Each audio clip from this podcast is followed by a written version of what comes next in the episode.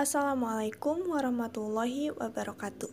Halo, apa kabar teman-teman semua? Semoga kita diberi kesehatan ya.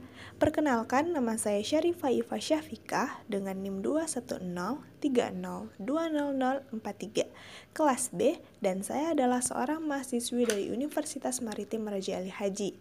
Selamat datang di podcast saya, Syarifah Ifa, eksklusif hanya di Spotify. Pada podcast kali ini, kita akan membahas revolusi industri keempat serta dampaknya dalam pendidikan dan bagaimana saya sebagai generasi muda calon guru dalam menghadapi tantangan revolusi industri keempat. Sebelum itu, kita kenalan dulu yuk sama si revolusi industri keempat ini. Sederhananya, revolusi industri keempat atau Revolution Industry 4.0 adalah bagaimana teknologi seperti kecerdasan buatan, kendaraan otonom, dan internet saling memengaruhi kehidupan manusia. Lalu, apa saja tahapan revolusi industri sebelumnya? Singkatnya, revolusi industri 1 dimulai pada abad ke-18 di Inggris dengan adanya penemuan mesin uap dan mesin manufaktur. Revolusi industri kedua pada abad 19 dengan adanya produksi massal mesin listrik dan standarisasi industri. Revolusi industri ketiga ditandai dengan adanya komputer dan teknologi informasi pada abad ke-20. Dan saat ini, abad ke-21, kita berada di era revolusi industri keempat dengan ditandai adanya sistem cyber cycle, Internet of Things, dan jaringan.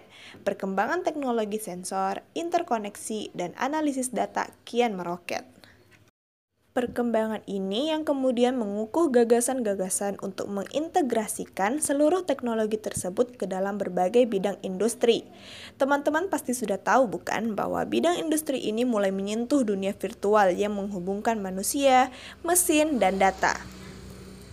Bentuk konektivitas ini disebut dengan nama IoT atau Internet of Things. World Economic Forum berpendapat bahwa Internet of Things adalah unsur yang berperan besar dalam revolusi industri keempat dan berkembang secara eksponensial.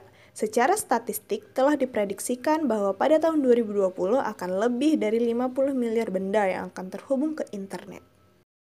Lalu, bagaimana dampak revolusi industri keempat ini di bidang pendidikan? Bidang pendidikan sangat berkaitan dengan revolusi industri keempat yang dapat dimanfaatkan untuk mendukung pola belajar dan pola berpikir serta mengembangkan inovasi kreatif dan inovatif dari peserta didik guna mencetak generasi penerus bangsa yang unggul dan mampu bersaing. Perkembangan pendidikan di dunia tidak lepas dari adanya perkembangan dari revolusi industri yang terjadi pada dunia ini, karena secara tidak langsung perubahan tatanan pada ekonomi turut mengubah tatanan pendidikan di suatu negara. Peran guru yang selama ini sebagai satu-satunya penyedia ilmu pengetahuan sedikit banyak bergeser menjauh darinya. Di masa mendatang, peran dan kehadiran guru di ruang kelas akan semakin menantang dan membutuhkan kreativitas yang sangat tinggi. Era revolusi industri keempat merupakan tantangan berat bagi guru Indonesia. Mengutip dari Jack Ma, dalam pertemuan tahunan World Economic Forum 2018, pendidikan adalah tantangan besar abad ini. Jika tidak mengubah cara mendidik dan belajar mengajar, 30 tahun mendatang kita akan mengalami kesulitan besar. Sistem pendidikan membutuhkan gerakan kebaruan untuk merespon era industri keempat. Salah satu gerakan yang dicanangkan oleh pemerintah adalah gerakan literasi baru sebagai penguat bahkan menggeser gerakan literasi lama. Gerakan literasi baru yang dimaksudkan terfokus pada tiga literasi utama, yaitu yang pertama, literasi digital, yang kedua, literasi teknologi, dan yang ketiga, literasi manusia. Tiga keterampilan ini diprediksi menjadi keterampilan yang sangat dibutuhkan di masa depan atau di era industri keempat. Lalu, bagaimana saya sebagai generasi muda calon guru dalam menghadapi tantangan revolusi industri keempat? Pendidikan keempat merupakan fenomena yang timbul sebagai respon terhadap kebutuhan revolusi industri keempat, di mana manusia dan mesin diselaraskan untuk memperoleh solusi, memecahkan berbagai masalah yang dihadapi, serta menemukan berbagai kemungkinan inovasi baru yang dapat dimanfaatkan bagi perbaikan kehidupan manusia modern. Kemudian, teknologi informasi dan komunikasi untuk pembelajaran di era revolusi industri keempat. Untuk menghadapi era revolusi industri keempat, diperlukan pendidikan yang dapat membentuk generasi kreatif, inovatif, serta kompetitif. Hal tersebut salah satunya dapat dicapai dengan cara mengoptimalisasi penggunaan teknologi sebagai alat bantu pendidikan. Harapannya, mampu menghasilkan output yang dapat mengikuti atau mengubah zaman menjadi lebih baik.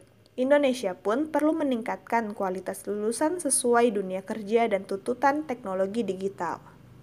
Selain itu, perlu dukungan kecerdasan buatan. Pengembangan kecerdasan buatan atau artificial intelligence atau AI bergerak semakin cepat dan mengalami kemajuan pesat dalam setiap bidang kehidupan manusia, mulai dari perawatan kesehatan, kontrol iklim dan hasil panen, hingga pendidikan.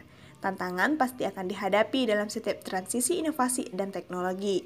Kita harus berani dan siap, jika tidak, maka kita akan tenggelam oleh era disrupsi ini. Untuk para pelajar dan mahasiswa di sana, semangat untuk menimba ilmu. Perbanyak membaca karena semakin banyak buku yang kita baca, semakin banyak pula ilmu yang kita dapat. Semangat untuk kita, semangat untuk semua, dan semangat untuk para-para penerus bangsa.